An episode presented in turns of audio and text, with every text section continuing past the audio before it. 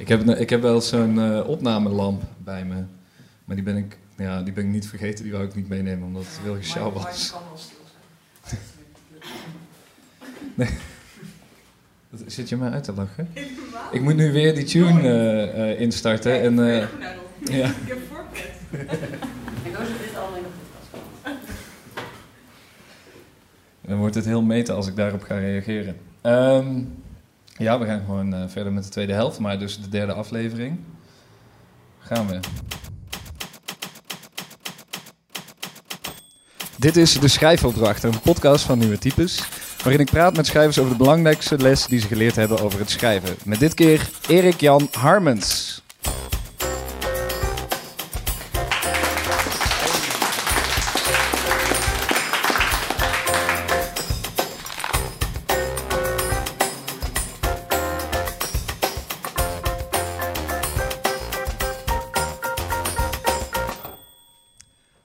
Aflevering 3 dus. Uh, wederom live bij Walter. Voor uh, mensen thuis, dat is Walter Bookshop in Arnhem.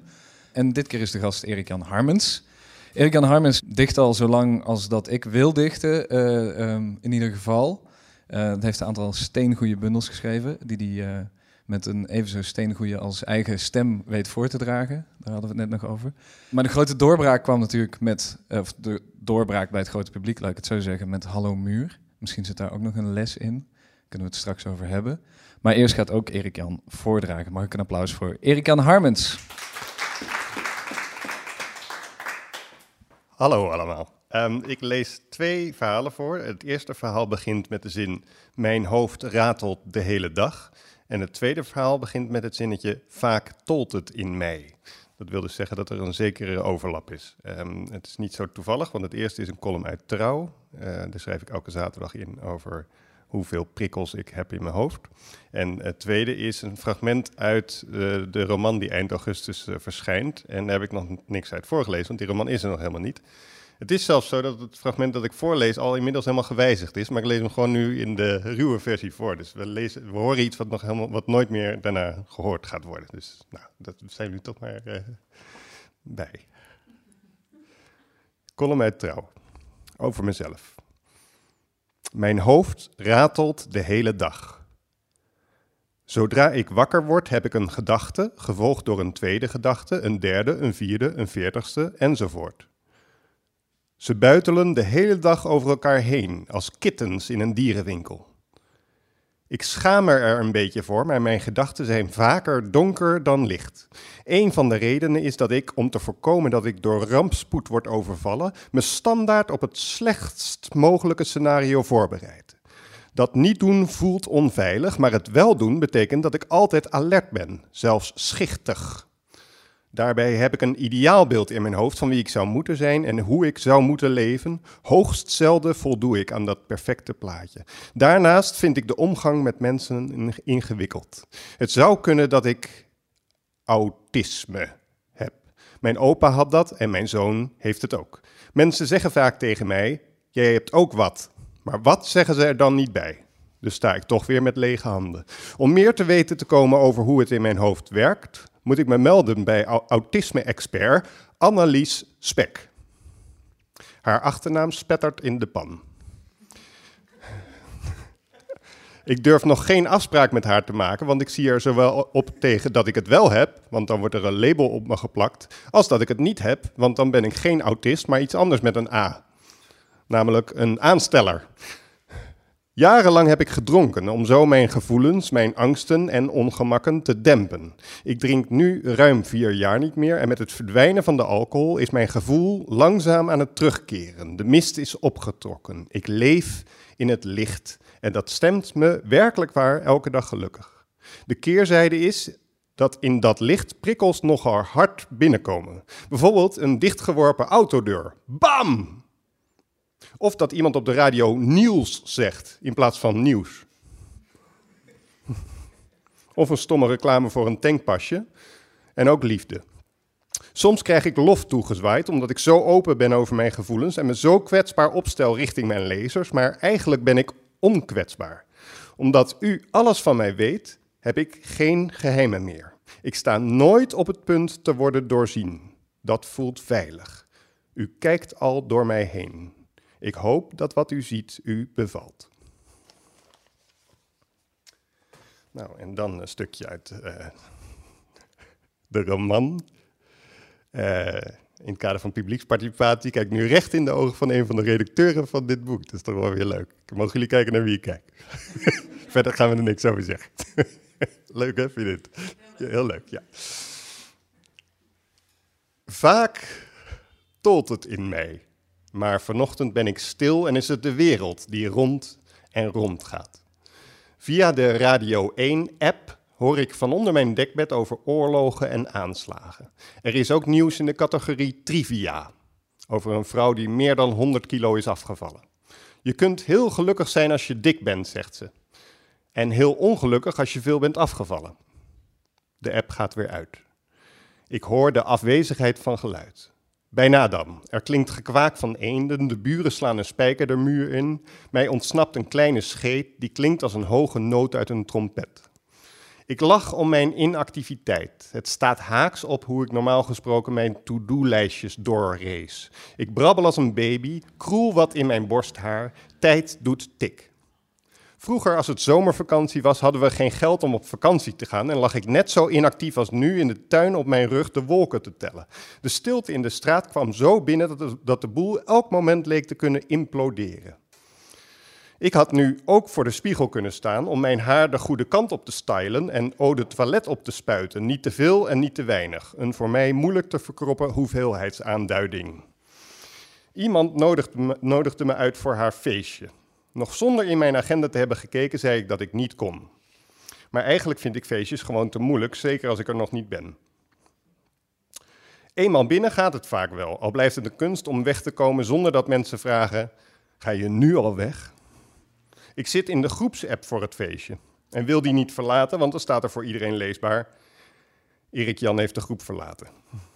Steeds als ik een belletje hoor, is er een nieuw bericht. Ik kan alle voorbeschouwingen op de voet volgen. Vergeet geen fris om mee te mixen, tikt iemand. Soms staan er tientallen flessen sterk aan en maar één fles soda. Ik heb nooit begrepen waarom mensen wodka, whisky of rum willen mixen. Dan kikt de alcohol helemaal niet in. Op Instagram zie ik de dansende gastvrouw in een nauwsluitende glitterbroek met wijd uitlopende pijpen, daarboven een blouse zonder rug. Ze danst op Chun-Li van Nicki Minaj, opent haar mond en roept woe woe. Ik kan me verkleden en alsnog opkomen dagen. Als iemand de camera omhoog houdt, ook woe woe roepen. In plaats daarvan blijf ik hier liggen als een lijk in een lade. Er klinkt, behalve soms het brommen van apparaten, nog altijd geen enkel geluid. Ik ben alleen en probeer te voelen wat ik voel. Eerlijk gezegd ben ik liever hier dan op dat feestje. In gedachten zie ik de handjes richting discobal gaan, ook de mijne, maar voel ik de rust niet en is er bij mij niks ingekikt, doe ik alleen maar een beetje mee. Als iemand uitglijdt, raap ik hem op. Als een meisje moet overgeven, hou ik haar haar vast. Ik ben in plaats van feestganger vaak eerder een verpleger. Laat mij maar hier in het licht. De wind is gaan draaien, ik hoor het ruisen van de ringweg. Door haar regelmaat breekt de stilte niet echt, legt er alleen een laagje onder, eerder een schijn van geluid. Echt gelukkig ben ik niet, maar zeker ook niet ongelukkig. Een beetje neutraal. Er gebeurt even niks, er zijn amper impulsen. Zeker geen woe Ik kijk nog een keer op Instagram naar status-updates over het feest. De hashtag is Party Hardy. Ik fantaseer dat de gastvrouw met haar nauwsluitende glitterbroek en haar blouse zonder rug aanbelt. Ik doe open, ze sluit de deur achter zich als een spion, haar knieën knakken, ze beweegt haar hoofd van achteren naar voren, tot ik zucht als een traporgel. Dan verdwijnt ze weer in de nacht. Twintig minuten later, woe, woe, ze weer op Instagram.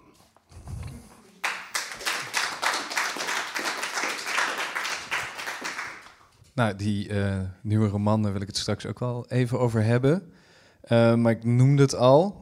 Een, een groot deel uh, in het begin van je carrière was je grotendeels dichter, niet uitsluitend. Um, en jij hebt geen opleiding gevolgd, dus ik ben dan heel benieuwd waar begint zo'n dichterschap dan? Dit is natuurlijk de vraag die je altijd krijgt, maar wel thuis hoort in deze podcast ook, denk ik. ja, nou, ik ben dus 47 jaar oud. En ik heb dus een tijd geleefd zonder, eh, zonder eh, internet en zo. En ehm, toen had je dus een typemachine.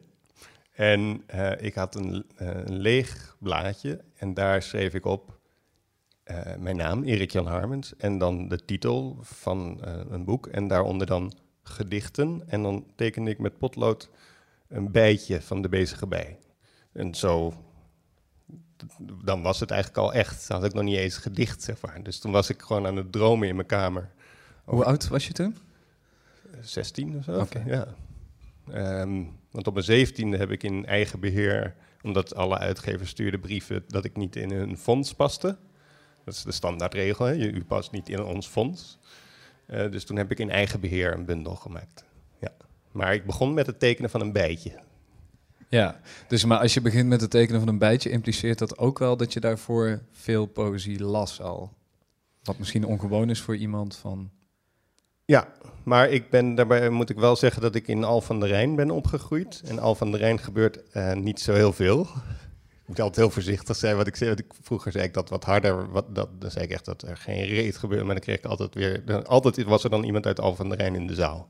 Ja, of viel er, viel er een grote kraan om ineens? Ja, dat ook. Ja, ja, ja, ja twee tegelijk. Ja.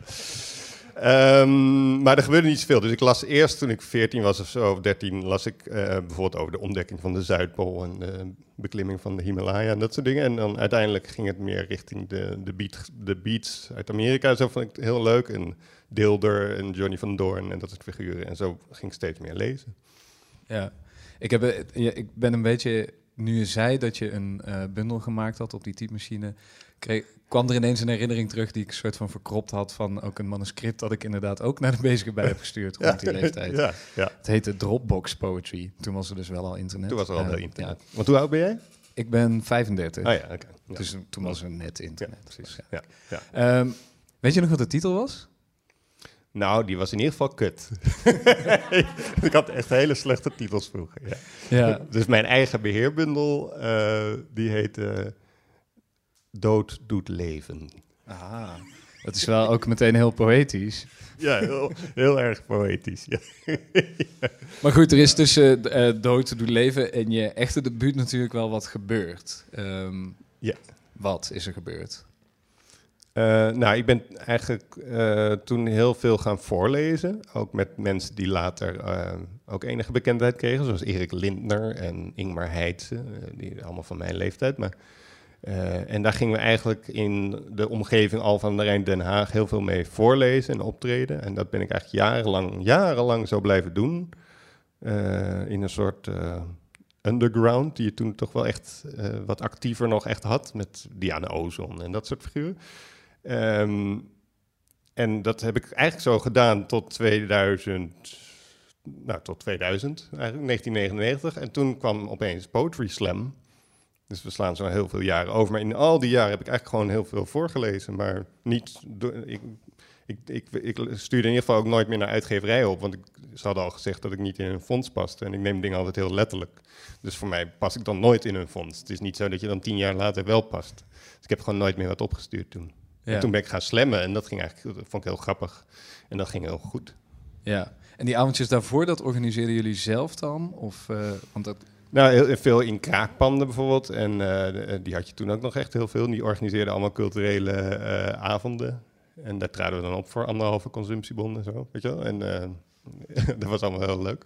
Eh, en dan soms wel eens ook op een echte literaire avond, maar dat gebeurde niet zo vaak. Het was meer eh, in, in hele obscure tenten en zo. Ja, misschien wel beter dan op een literaire avond.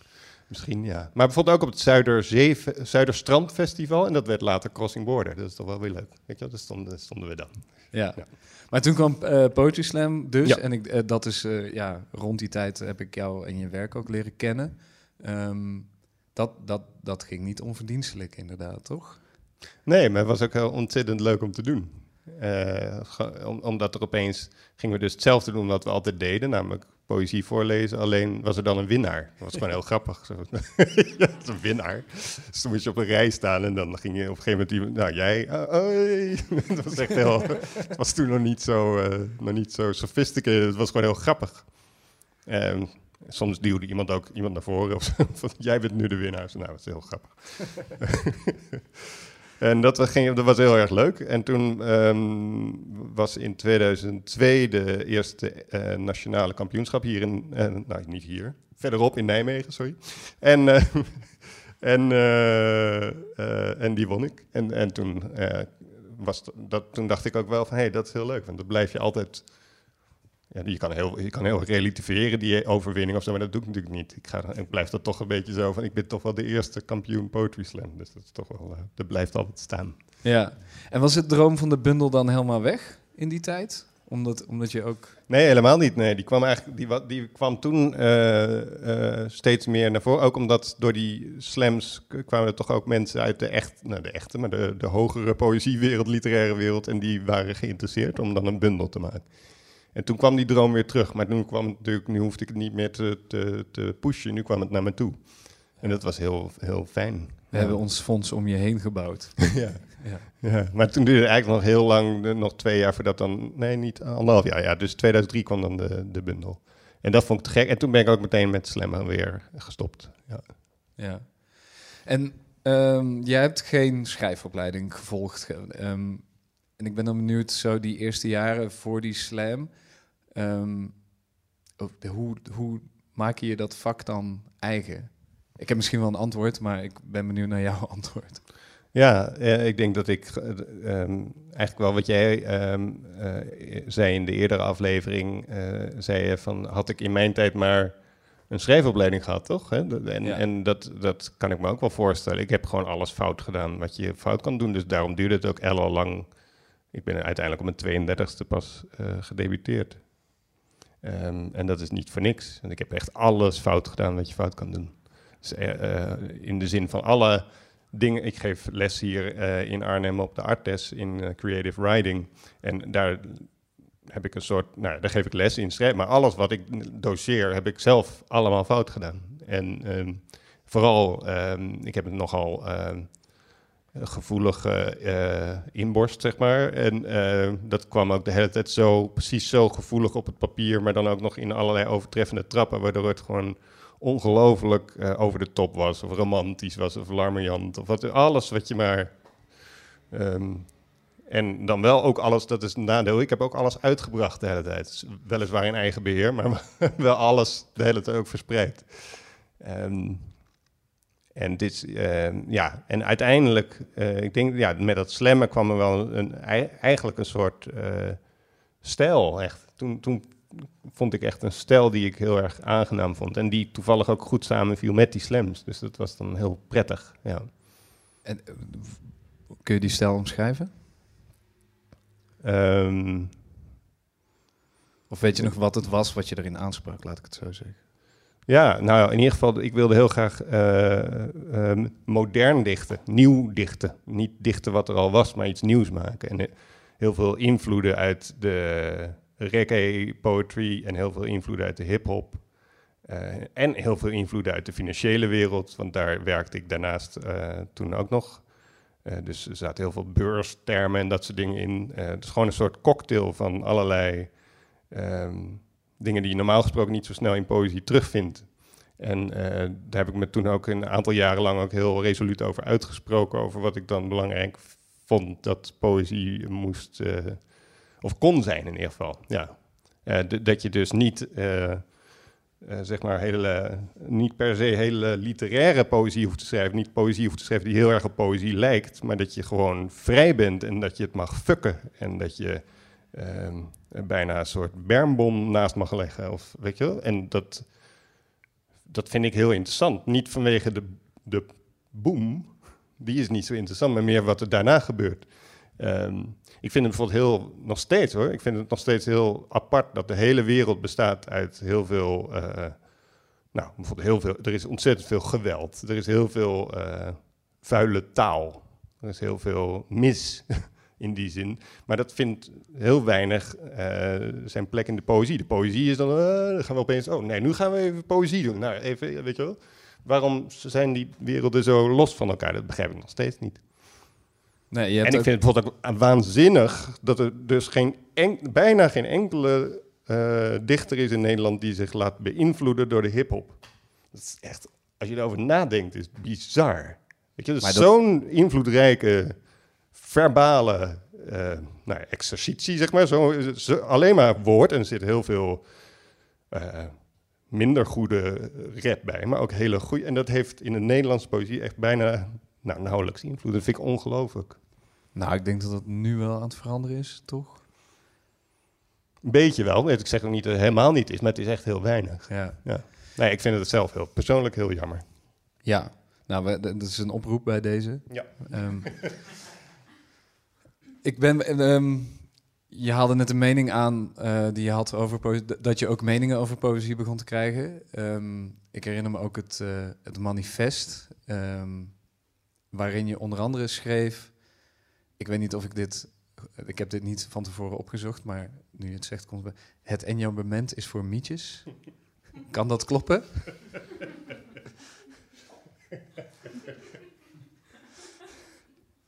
Die was ik een beetje vergeten, maar het is wel een heel goed punt nog. Ja, ik was het er ook hardgrondig mee eens, maar ik wil graag even terughalen waarom jij dat vond. Ja, omdat dat. eh, ehm, nou, eh, omdat dat gewoon in elk. Bij, bij elk standaard cursus staat dat. En iedereen doet het dan. Maar, en het is niet dat het niet mag. Je mag best eh, eh, een zin afbreken en dan weer toelaten en dan nieuwe betekenis creëren. Het mag wel, maar waarom moet het? Weet je wel, waarom mensen zeiden op een gegeven moment ook, waarom heb jij zo weinig enjambementen? Ik dacht, ja, en dat is ook, maar dat is ook dat mensen boeken drukken of eh, bloemlezingen drukken van mijn gedichten. En dan bellen ze op om te vragen van het, hoe moeten we het afbreken of zo. En dan zei ik echt heel vaak, nou doe maar wat. En dat vond ik gewoon heel grappig. bedoel, het maakt wel wat uit, maar het is, het is niet het belangrijkste. maar de verbijstering aan de andere kant van de lijn vond ik toch gewoon heel grappig. Ja, ja om, om, dat, om op dat punt te komen, dat je eh, dat kunt zeggen, denk ik dat je van, ik doe alles fout, dat, eh, zoals je het zelf omschreef, eh, tot ik kan hier nou heel erg een mening hebben over poëzie. Daar, zit, daar zitten wat meters tussen, lijkt me zo. En hoe, hoe leer je dan wat fout is? Of in ieder geval wat je zelf ook als fout gaat zien. Ja, het is natuurlijk wat, als ik zeg wat fout is, dan bedoel ik dus wat ik fout vind. Ja. Snap je? Want het is niet, dat, er zijn natuurlijk geen vaste regels. Ehm, maar anders moet ik elke keer zeggen, ik vind, weet je, dus dat, dat schiet niet op. Ehm, maar, eh, wat was je vraag? Eh, eh, hoe je erachter komt dat het fout is, zeg Ja. maar. Je hebt geen docent die dat tegen je zegt, dus Nee, Hoe ontdek je, hoe kom je van ik doe alles fout? Punt 1, hoe zie je dat je alles fout doet? Naar, en nu ga ik eh, vertellen wat ik van momenten vind. Eh, nou, ik denk dat, dat ik dan toch eigenlijk, als ik het echte antwoord moet geven, maar dan, dan, dan dat is eigenlijk ook het, op de antwoord op de vraag hoe geef je dan bijvoorbeeld les? Want ik geef les op de artes, maar ik doe het eigenlijk eh, intuïtief. Je voelt op een gegeven moment of iets goed is. En dat geldt zeker voor mijn eigen werk, dat ik heel vaak dat werk voorlas in de bibliotheek in Zoetermeer of zo. Dat romantische werk waar ik dus en, en dan voelde gewoon niet helemaal van mij. Het- voelde meer als een soort, eh, zo van, ik heb nu iets heel, nou, laten we zeggen, iets heel verhevens of zo, of iets buiten mezelf, of, of eh, heel, eh, ik was heel vaak verliefd en dan schreef ik gedichten daarover en die ging ik dan voorlezen of zo, maar het voelde niet helemaal oké of zo. En tot ik op een gegeven moment iets vond en dat ik dacht, ja, maar dit is wat ik wil doen. En dat voel je gewoon. Ook de manier wa- waarop, het, waarop ik het voorlas, Ehm, ook een heel ander soort spanning. Het was niet meer faalangst, maar veel meer een soort eh, eh, focus. Eh, heel erg, precies, gewoon echt het gevoel, dit is echt wat ik wil doen. Gewoon puur op, op, op gevoel, ja, Ja, intuïtie. het punt dat het grotere publiek dat ziet, kwam voor jou nog later, denk ik, als ik dat zo mag zeggen. Eh, dat echt het grote publiek het zag, kwam pas bij Hallo Muur, dit boek. Ja. ja. Ja. en Hoe voelde jij zelf over dat boek dan van tevoren? Voelde dat ook anders? Ehm, ja, want dat was eigenlijk. ehm, had ik geen, niet echt een idee wat ik precies aan het doen was. Ik was. eh, ehm, in al die jaren dat dit allemaal speelde, was ik ondertussen ook dus. Nog, had ik een eh, carrière gemaakt in het bedrijfsleven. En ik was vader geworden van twee prachtige kinderen. En, maar uiteindelijk. Gingen heel veel dingen, er gingen heel veel mensen dood en ik, ik, ik scheidde van mijn vrouw en Eh, ik had een burn-out en weven, alles wat je maar kan verzinnen overkwam mij. En, eh, en, en ik dronk ook veel te veel eh, alcohol. Ehm, en daar stopte ik mee. Ehm, en toen kwam eigenlijk gewoon de vraag van... ik had ook nog geen huis trouwens, dat had ik nog wel tien maanden lang. En toen dacht ik, ja, wat ga ik dan nu nog doen of zo? En, ehm, dus ik was echt in alle opzichten op nul. En toen heb ik eerst een dichtbundel geschreven, Open Mond heet die, waar ik heel, eh, nog, nog steeds heel erg trots op ben. Ehm, en dat, was al een totaal andere bundel dan al die gedichten eh, uit de slamtijd. En eh, vervolgens schreef ik Hallo Muur als een soort uitgebeend prozawerk dat eerst bestond uit 100.000 woorden en uiteindelijk 42.000 zijn geworden. Eh, dus dat is, eh, en, en die 58.000 gedelete woorden staan er ook nog, alleen je kan ze niet meer lezen. En het is, het is een eh ongelofelijke klus geweest. En ik was totaal niet bezig met hoe dat dan ging vallen. Of, dus toen dat... Eerst kwamen er allemaal een beetje zo van die zeikrecensies. En, dat, en toen opeens kwam, kwam de ommekeer. Onder andere met het feit dat De Wereld Draait Door het boek van de maand maakte. En toen heb ik zo zeker twee uur met alle lichten uit op de bank gezeten. En echt geen idee meer gehad wat ik nu nog moest doen. Of zo. Dus dat sloeg echt helemaal nergens op. Nee. Nee, dat, dat kan ik me heel goed voorstellen. Maar Open Mond en Halle Muur waren dus, zoals je zelf zegt, heel anders dan wat je daar Totaal daarvoor anders, deed. Ja. En ik was ook vooral benieuwd naar hoe, hoe voelde dat, dat zelf? Hoe voelde jij jezelf dan bij dat schrijven? Want dus alles wat je geleerd had dat goed was en, en wat fout was of zo, en je deed waarschijnlijk heel Ja. iets anders. Iets Maar wat dat deed, het toen, dat deed er toen helemaal niet meer toe ook. Nee. Nee. nee. Dat was echt in die eerdere eh, bundels en in die eerste twee romans. En nu deed eigenlijk niets er wat dat betreft meer toe. Maar dat bedoel ik niet nihilistisch, maar het was gewoon... Ik had die open mond, dus dat waren 38 gedichten volgens mij. Die schreef ik in een staakerven, omdat ik gewoon geen huis had. Dus ik woonde in een staakerven. En daar hing ik gewoon die gedichten aan, eh, aan de wand. Eh, weet je, en dat was eigenlijk, dat dacht ik toen nog steeds, van dit is werkelijk, dit is het enige dat ik bezit. Zo zat ik echt letterlijk zo in die staakerven. eh van ik heb alleen dit. En dat is, eh, ja, nou, ik, en toen dacht ik toen ook van later, nou later lach je erom zeg maar, maar later wordt dit leuker dan het nu is, weet je. Want op dat moment was het wel echt heel shit. Maar ik dacht, dit is wel een bijzonder moment. En ik dronk dus ook al niet meer. Dus dan ben je nuchter in een staakerven, weet je wel. Dus, ik bedoel, als je dan nog een paar lekkere Westmallas erbij kan tikken of zo, maar die, ja, dat deed ik dus niet. Dus ik on- onderging het ook volledig. Ja. En ik had dus alleen maar 38 gedichten, van elk acht regels. Ja, dat is ook fantastisch op zich. Eh, maar het gaat ook voorbij alle plannen en ideeën over hoe poëzie moet zijn. Het is, het is alleen nog maar dat. Weet je, het is zo kaal en toch zo vol. Ja. Het is alles eigenlijk. En is dat dan de les die je daaruit hebt kunnen trekken? Ja, wat moet je daarvoor lessen dan? Eh, Kijk, dat kan je natuurlijk nooit leren of zo. Want dat is, dat is eh, nou ja, het heeft iets te maken met eh, hoe belangrijk eh, schrijven voor mij is. Ehm, dat het dus blijft bestaan als het leven totaal verandert. Alleen dan verandert de literatuur dus mee. En ook optreden. Ik weet nog dat ik toen op de Nacht van de Poëzie in Vredeburg moest optreden. eh, voor, nou, weet ik het, 1800 mensen of zo. En dat ik echt kapot ging van, soort van dat je bijna elk persoon voelde of zo die daar zat. En terwijl voorheen, als ik daar, ik had wel eerder daar opgetreden, maar dan eh, ramde ik zo die gedichten Vredeburg in. En nu was het een soort eh, extreme intimiteit of zo. Eh, en, en het publiek voelde dat volgens mij ook. En de- ook daarna stond ik zo in de, in de wandelgangen van Vredeburg. Toen kwamen er gewoon zo, echt heel raar dit hoor. Dat komt, nou ja, maar goed. Echt zo'n mensen die gewoon dan zo op je afkwamen en dan eh, zo. Ik hug nu, maar dat zie je niet op de podcast. Maar echt zo kwamen huggen. zo. Dat is heel raar gewoon. Het is echt heel raar. Maar dit heeft niks meer met leren van literatuur te maken. Het is gewoon, ja zeg jij, maar ik weet het niet wat dit is. Maar het is gewoon heel, heel vreemd, toch? Ja. Ja, nou, ik had... ja. Nou, wat ik me dan afvraag, je, vertelt er ook wel mee, er is voor dat schrijven niks deed er nog toe. Dus zeg maar, die regeltjes, al dat is, ehm, is weg, omdat het ook echt gewoon letterlijk er niet meer toe doet. Want ja, wat heb je...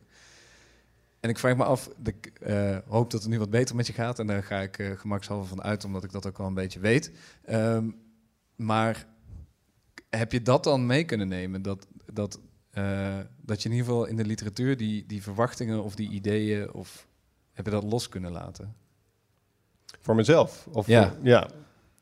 Uh, ja, ik, ben, ik, heb, ik voel me echt op dit moment volledig vrij. Ja. Dus ik, ik heb geen enkel. Um, um, geen enkele notie meer van.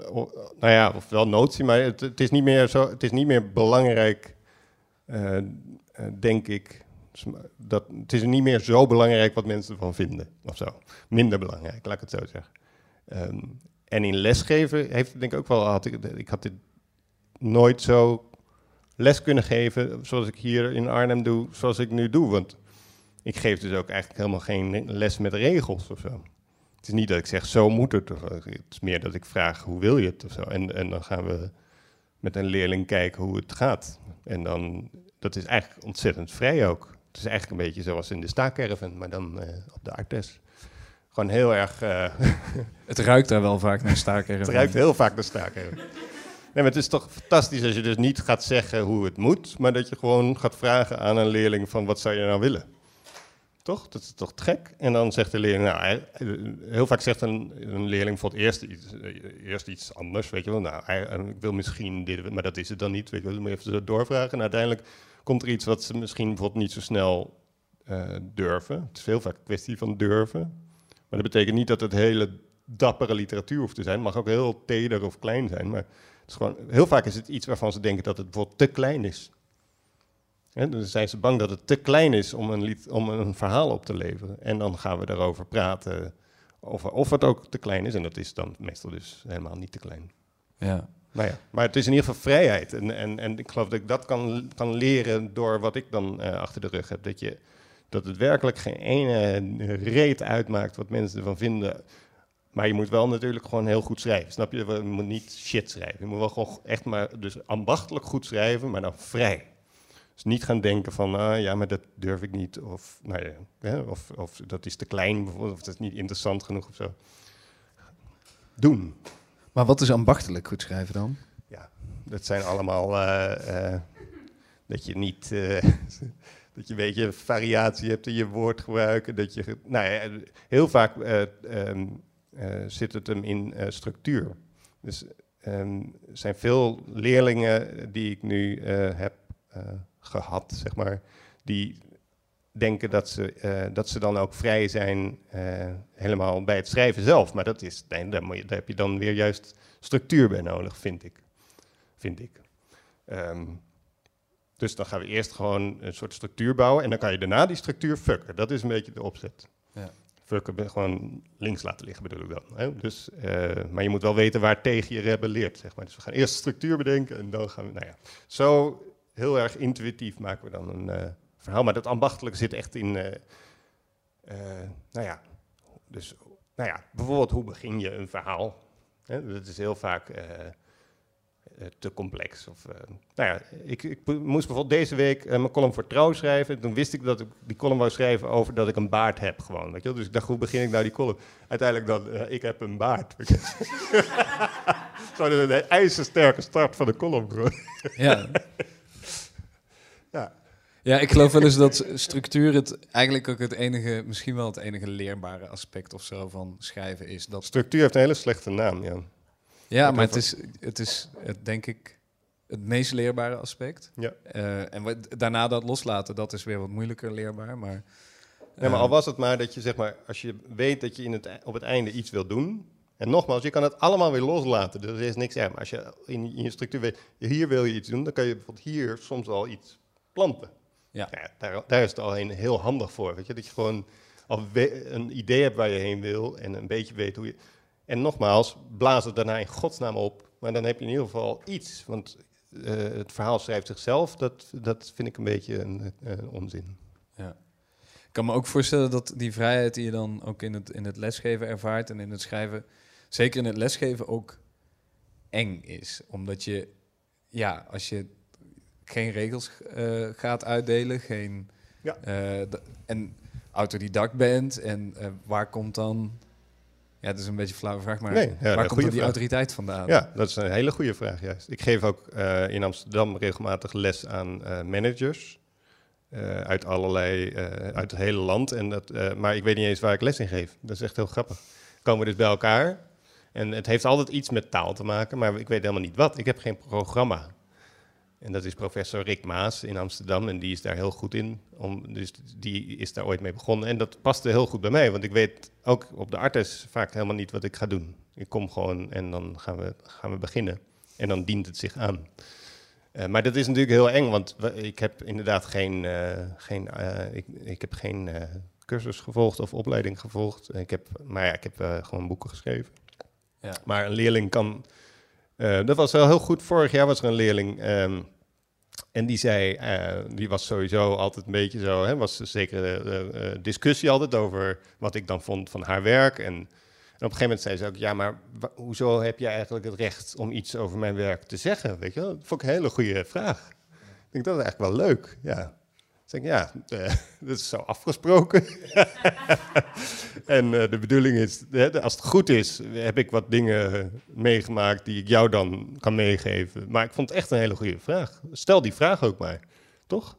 Waarom zouden we klakkeloos eh, eh, naar de leraar kijken en, en, en zeggen wat zij of hij eh, eh, vindt en dat dan uit- Waarom zouden we dat doen? Waarom zeggen we niet van wie ben jij eigenlijk? Ik vind het echt een supergoeie vraag. Hè? Wie ben jij eigenlijk? eh, dat je mij deur, eh, zo, weet je? Dat is toch leuk? Ja, ik sta op de loonlijst. Dat is eigenlijk het, eh, dat is het verschil. Ik sta op de loonlijst. Ja. Ja, ja. Jij betaalt, ik word betaald. Dat is eigenlijk het enige verschil. Dat er is. Ja, maar het is bijvoorbeeld ook heerlijk om les te geven zonder te denken dat je het allemaal weet. Maar dat Ja. je gewoon eigenlijk gewoon eh, misschien wel niks weet.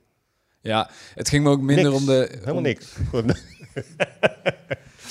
Het ging me ook minder denk ik om de autoriteitsvraag dan om de... Is het niet soms ook gewoon eng om dan voor die klas te gaan staan als je denkt... Ik weet ook niet wat Nee, maar daar, ja, maar daar denk ik altijd toch van wat is het ergste dat kan gebeuren? Dat is dat het blijkt dat ik inderdaad te weinig bagage heb om les te geven en dan moet ik ermee stoppen. Ja. Nou ja, dan stop ik ermee. Ja, hoe begin je een les? Hoe begint, hoe begint de eerste les in jouw semester? Daar ben ik wel nog Oh, ja, ik vraag meestal hoe het gaat. en dan krijg je altijd wel e- minimaal één iemand die echt eh, bij wie de nood heel hoog is. Dus die begint dan gewoon.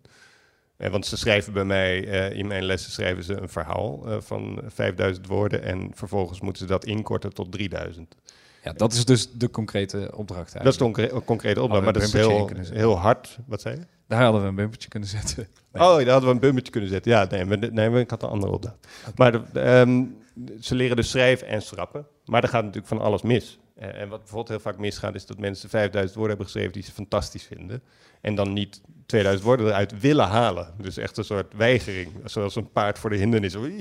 Dus weigeren gewoon om die 2000 eruit te halen. En dat is gewoon heel grappig. Ja, Ja, daar moet ik heel erg om lachen altijd. Dat vind ik echt heel, heel leuk. en het, het lukt ook toch vaak. Ja, ja. Ik, ik probeer toch uit te leggen waarom we dat dan doen. En dan, eh, tot nu toe hebben ze tot nu toe altijd toch dan uitgevoerd. Maar wel, ik zei ook op een gegeven moment wel tegen mensen van... je kan die ve- versie, die briljante versie van 5000 woorden... kan je gewoon los bewaren, weet je wel. Ja. Het is niet dat die weg moet, verbrand wordt of zo. Of, eh, die mag je gewoon los bewaren. Alleen we gaan kijken wat er gebeurt als je de 2000 woorden uithaalt. Dat is dan ter geruststelling. Zeg maar. Ja, ja en het, het, het werkt ook in die zin dat ik... eh, ik hoor studenten vaak over je nadat ze eh, in, een, in een later jaar, dus in een derde of een vierde jaar, dat ze dan zeggen, ja, ik heb daar toch wel heel veel aan gehad. Gelukkig. Aan de, aan de man die zonder plan het De man eh, zonder plan. klaslokaal inloopt. Ja. Maar hoorde ik je nou zeggen dat je een concrete opdracht had verzonnen? Ja, maar ik wacht eigenlijk op de bumper.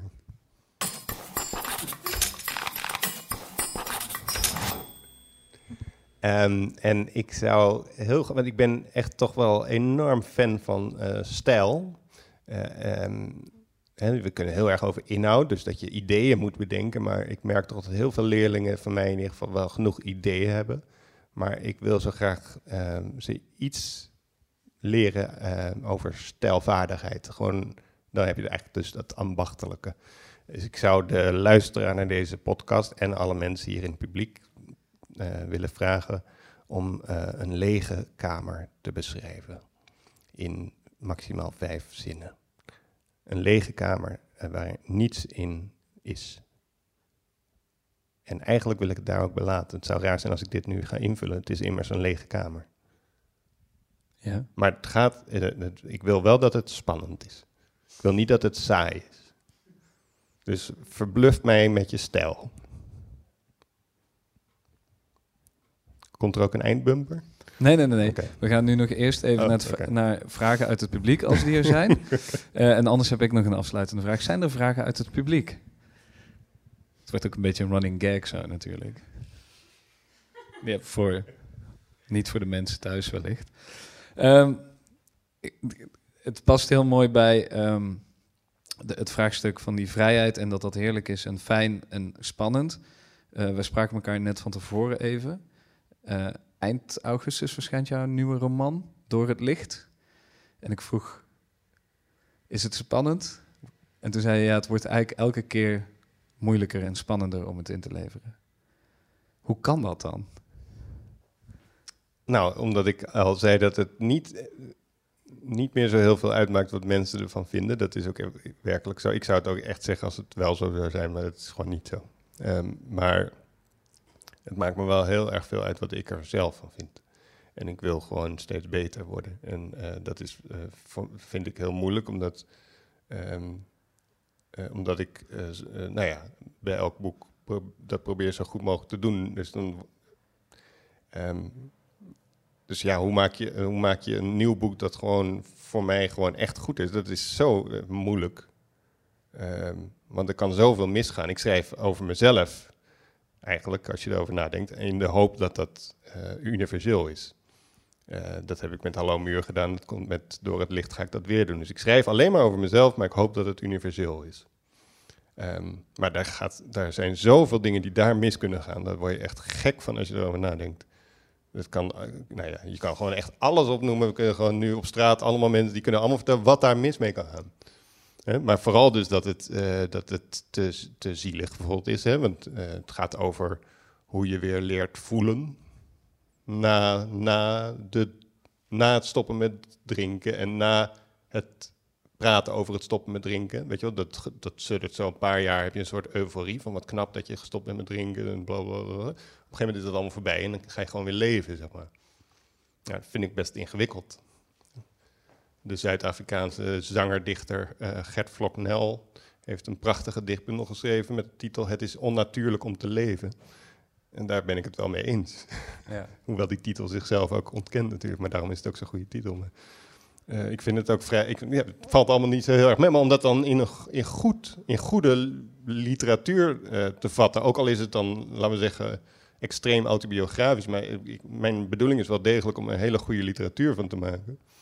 Eh, dat is gewoon heel erg moeilijk, omdat bijna alles wat ik schrijf is niet goed. Dus, eh, maar je moet ook niet niks schrijven, dan komt er nooit een boek. Dus het is een gevecht. En, en, en ehm, ehm, toen ik het, eh, de eerste versie inleverde, was ik echt zo vier dagen eh, zo'n beetje ziek. Niet, eh, niet echt ziek, maar zo'n beetje totaal van slag. Ehm, gewoon zo, ook op het moment dat ik op cent drukte en dan weet je, gewoon echt totaal niet meer weten wat ik dan nog eh, moest doen of zo. Ja. Dus het is wel een soort, wel een soort extreme werkwijze achter. Maar het is goed bedoeld. Het voelt bijna verkeerd om hier te eindigen. Ehm, snel, andere vraag. Nee, maar, eh, want je hebt er net uit een versie hiervan al voorgelezen. En ik neem aan dat je dan een stukje kiest waarvan je denkt... ah, dat is al best wel ver. Maar je zei ook, het is niet de definitieve versie. Nee, ik wou gewoon eens kijken. Ik had nog, gewoon nog nooit iets uit het boek voorgelezen. Ik dacht even kijken hoe dat gaat. Maar viel, En viel mee. Dat was wel leuk. Ja, Ja, de, de- vermindert dat de druk wellicht een beetje? een beetje misschien. Ja. ja, er is nu al, toch al iets naar buiten gecijpeld. Ja.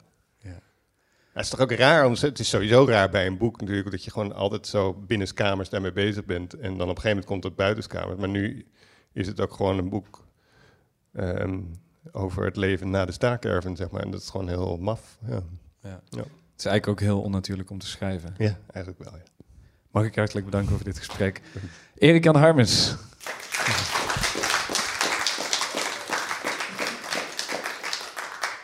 Eh, dat was het vanuit eh, Walter eh, in Arnhem, aflevering 3. En dat is de voorlopig laatste aflevering. Iedereen thuis mag iTunes reviews achterlaten. Jullie mogen dat ook, maar pas als het online is. Dus, en dat is nog niet. Dus niet vanavond al zoeken. Dit, zo snel gaat het niet. Dank jullie wel dat jullie hier waren. En hopelijk tot de mensen die hier zijn dan althans. Tot volgende week op Nieuwe Types.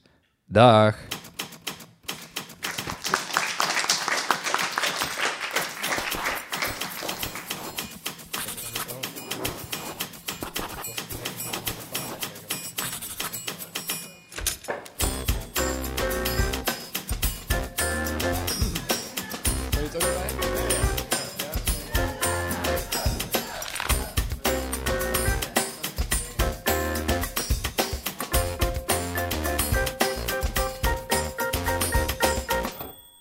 Schrijfopdracht wordt geproduceerd door Ondercast voor Nieuwe Types en de Nieuwe Oost Wintertuin. Ik ben Dennis Schaans. Deze aflevering werd live opgenomen in Walter in Arnhem. De productie van die liveavond was in handen van Elke de Kates. Dank ook aan Christa Jantowski en Corine van der Wal en natuurlijk aan Erik-Jan Harmens.